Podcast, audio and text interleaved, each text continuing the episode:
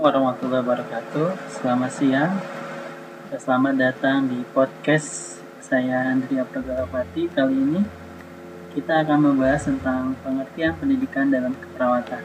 Pendidikan dalam keperawatan memiliki definisi untuk mengetahui definisi pendidikan dalam keperawatan kita harus mengetahui tentang definisi pendidikan dalam perspektif kebijakan yang terdapat di dalam Undang-Undang Nomor 20 Tahun 2003 tentang Sistiknas, yaitu pendidikan dalam usaha sadar dan terencana untuk mewujudkan suasana belajar dan proses pembelajaran agar peserta didik secara aktif mengembangkan potensi dirinya untuk memiliki kekuatan spiritual keagamaan, pengendalian diri, kepribadian, kecerdasan, akhlak mulia, serta keterampilan yang diperlukan dirinya, masyarakat, bangsa, dan negara.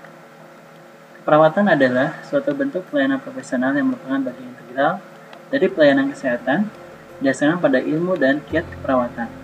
Berbentuk pelayanan bio-psiko-sosio-spiritual yang komprehensif, ditujukan kepada individu, keluarga, kelompok, dan masyarakat, baik sehat maupun sakit yang mencakup seluruh proses kehidupan manusia. Pendidikan dalam keperawatan adalah usaha sadar dan terencana untuk mewujudkan suasana belajar dan proses pembelajaran agar peserta didik secara aktif mengembangkan potensi dirinya sesuai dengan ilmu dan kiat keperawatan yang dimilikinya sehingga dapat diaplikasikan dalam bentuk pelayanan profesional yang berbentuk bio, psikososial, spiritual yang komprehensif. Ditujukan kepada individu, keluarga, kelompok, dan masyarakat, baik sehat maupun sakit yang mencakup seluruh proses kehidupan manusia.